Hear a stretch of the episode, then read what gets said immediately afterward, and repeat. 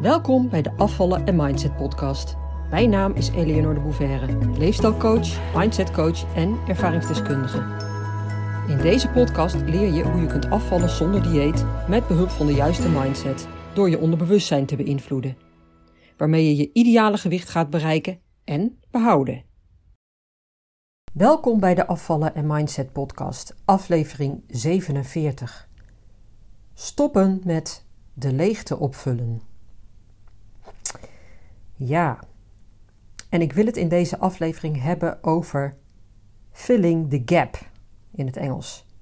En ik gebruik hiervoor de Engelse term omdat ik de letterlijke Nederlandse vertaling niet helemaal vind kloppen. Het, het gat vullen. Nee. En bovendien kan dat ook weer tot andere associaties leiden. Hmm. Maar ik zal eerst even duidelijk maken wat ik hiermee bedoel. En ik weet zeker dat je dit ook in meer of mindere mate bij jezelf zult herkennen. Filling the gap, dat is uh, in het Engels to add what, what is needed to something to make it complete. Dus er ontbreekt iets, iets moet compleet gemaakt worden en daarvoor moet je iets toevoegen. En dan kan dat uiteraard betrekking hebben op van alles en nog wat, hè? ook met spullen bijvoorbeeld. Maar vaak hebben we het met deze uitdrukking over iets niet-materieels. Bijvoorbeeld een leegte die je ervaart in je leven. Een relatie die verbroken is, waardoor je de vrijgekomen tijd en ruimte hè, en het gemis wilt gaan opvullen met iets. Hè? Of met iemand anders. Dat kan natuurlijk ook. Als het dus dat je op zoek gaat naar een andere relatie. Ik wil er geen oordeel aan koppelen of, of ervan zeggen dat um, filling the gap, dat dat per se goed of slecht is. Daar gaat het helemaal niet over. En uiteraard is dit ook weer heel erg afhankelijk van omstandigheden. Hè? Waar gaat het precies over? Als je je leven moet reorganiseren omdat je relatie uit is, dan is het alleen maar heel goed als je op zoek gaat naar nieuwe activiteiten. Hè, waarmee je dus dat gat kunt vullen, zo gezegd. En tegelijkertijd is het natuurlijk ook altijd belangrijk om te kijken of die intentie ook juist is. Ja, want het kan in dit voorbeeld, uh, het kan ook bijvoorbeeld zijn dat het een vlucht is. Hè? Denk maar aan mensen die uh, ja, de ene blind date na de andere hebben, om maar niet meer te hoeven denken aan die relatie of aan het verlies van die van die persoon. Nou, dan even een bruggetje naar eten. Of eigenlijk naar je relatie met eten. Want filling the gap is iets wat veel mensen doen met eten. En ik zal eerst een voorbeeld geven. Stel, je doet overdag je ding je hebt je werk, uh, of je bent thuis met kinderen, of je doet klussen in huis, whatever. En omdat je gewoon lekker bezig bent, is eten ook geen issue voor je. je eet je ontbijt, eh, je lunch, misschien nog wat tussendoor, maar je denkt er eigenlijk niet zo over na. Je hebt dus eigenlijk die constante afleiding en je voelt ook geen spanning of wat dan ook, waardoor je naar eten zou willen grijpen maar die voel je wel in de avond. Want dan is er even niets. Dan heb je gegeten. Hè, dan liggen de kids misschien wel op bed hè, als je kleine kinderen hebt.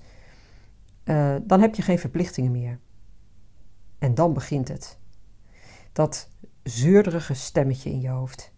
Die gedachte aan eten. En je ervaart dat ook echt als een leegte.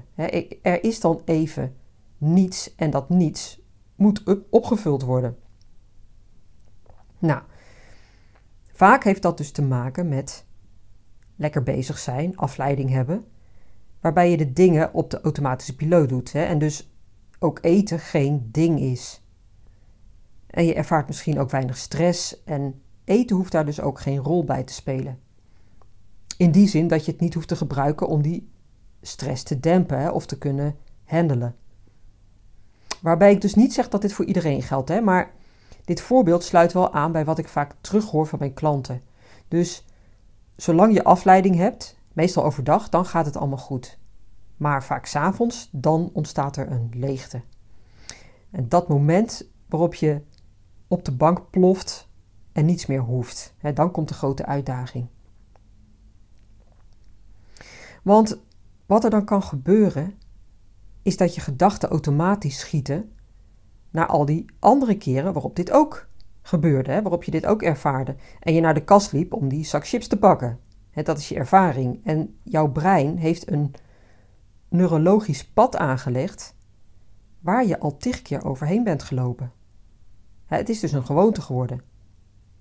En als dat in de avond is, en bij veel mensen is dat dus s avonds, dan, dan komt dat ook om, omdat je s'avonds gewoonweg moe bent, hè, minder alert en je makkelijker vatbaar bent voor dat volautomatisch gedrag.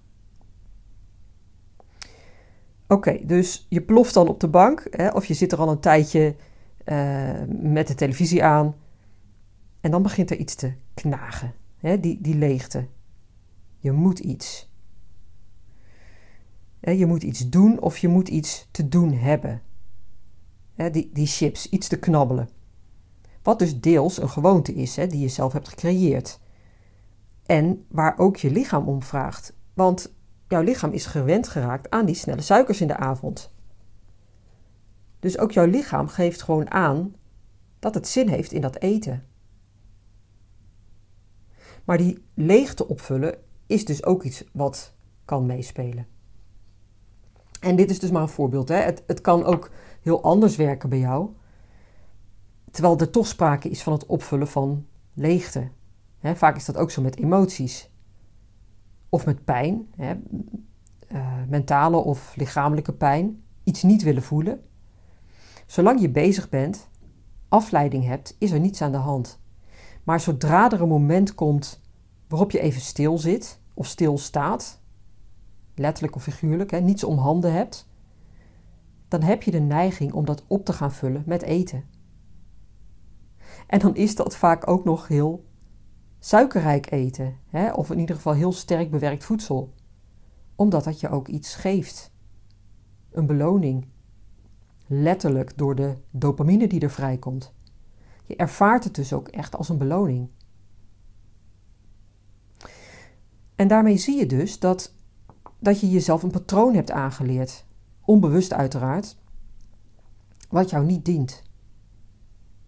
Belangrijk om je hiervan bewust te zijn en om er als het ware boven te kunnen hangen. Dat je ziet van, oké, zo werkt het dus in mijn hersenen.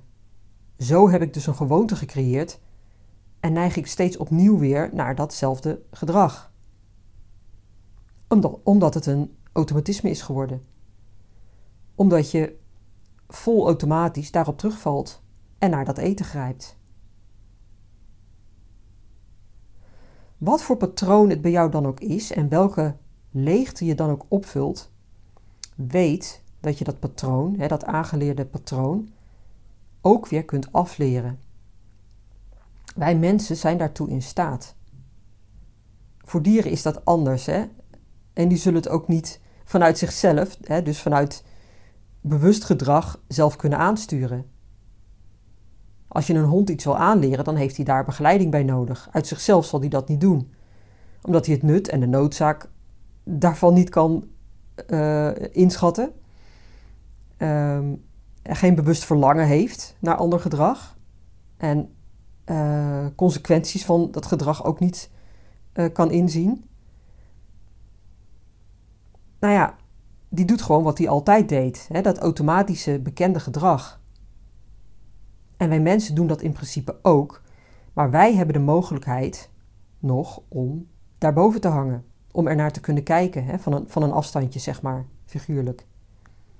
In te zien dat het saboterend gedrag is.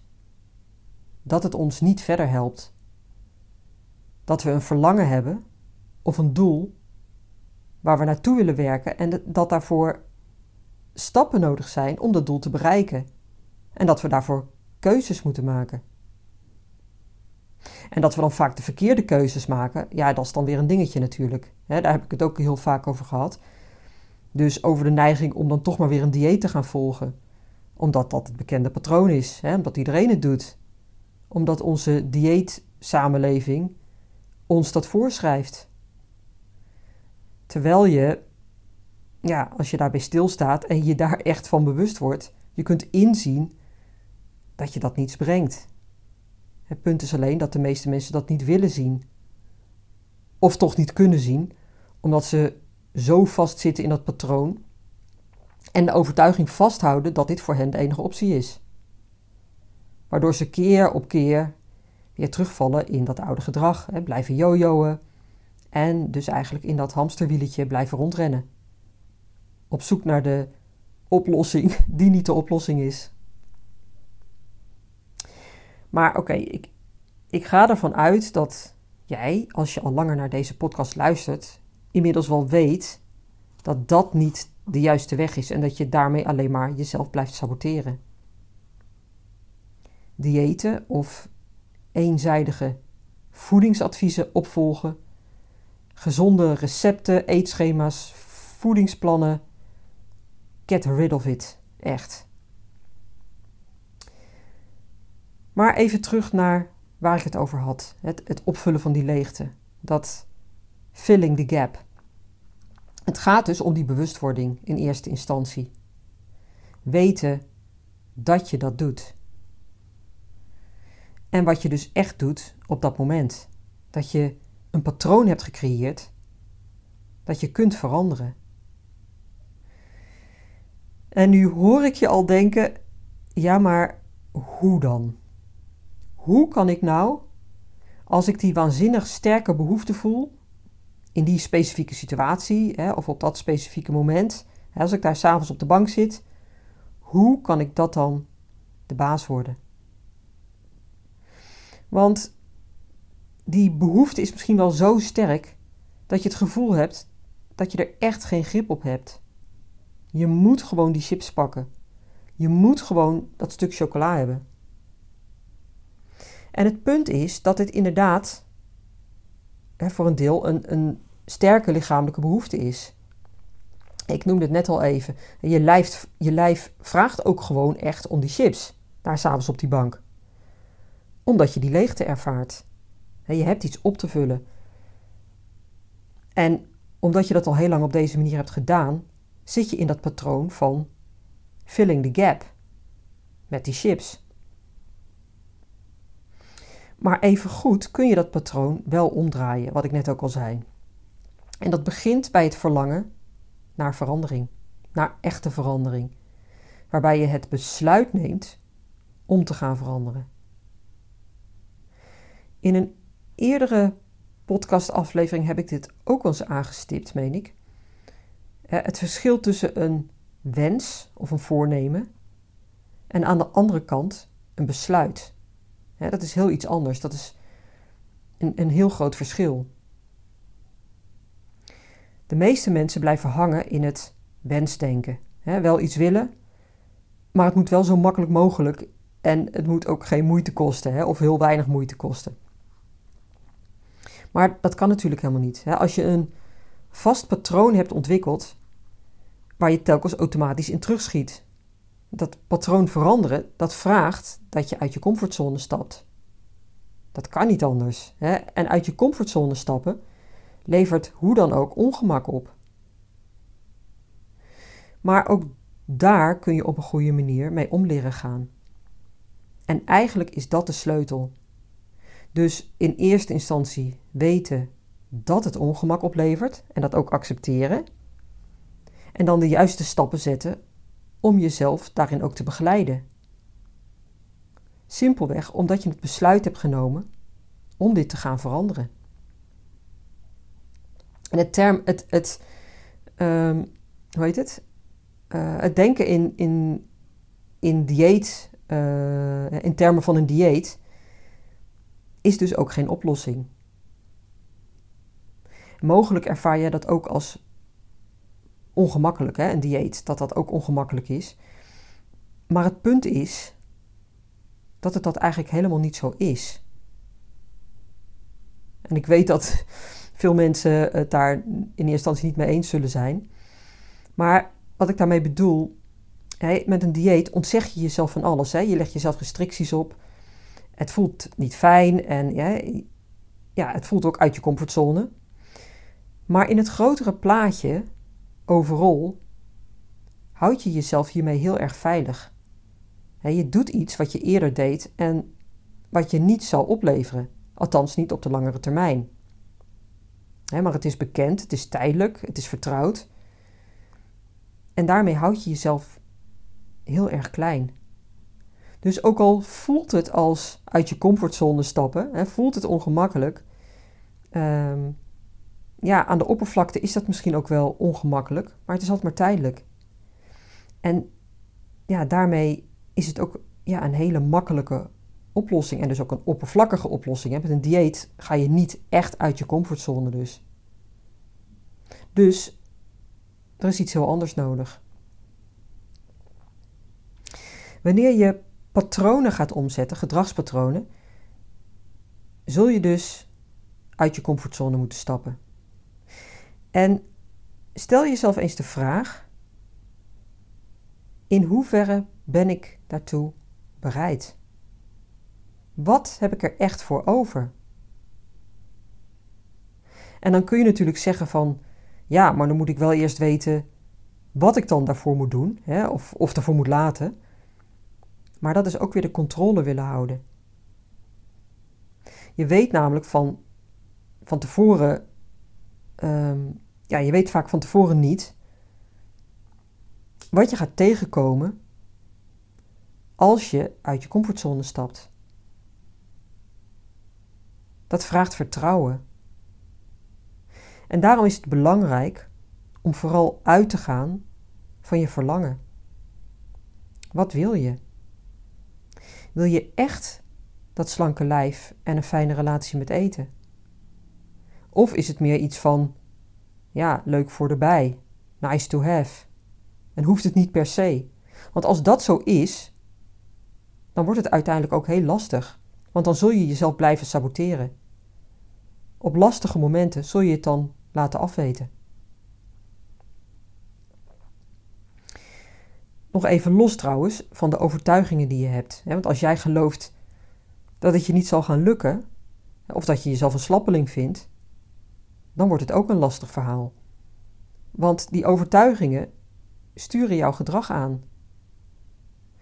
En ook dan zul je dus nooit blijven vasthouden aan dat verlangen en recht op je doel afgaan. Wij mensen hebben de mogelijkheid om ons gedrag te kiezen. Alle gedrag is een keuze. En door je dat te realiseren, zet je ook al een stapje buiten het patroon waar je misschien wel zo in gevangen zit.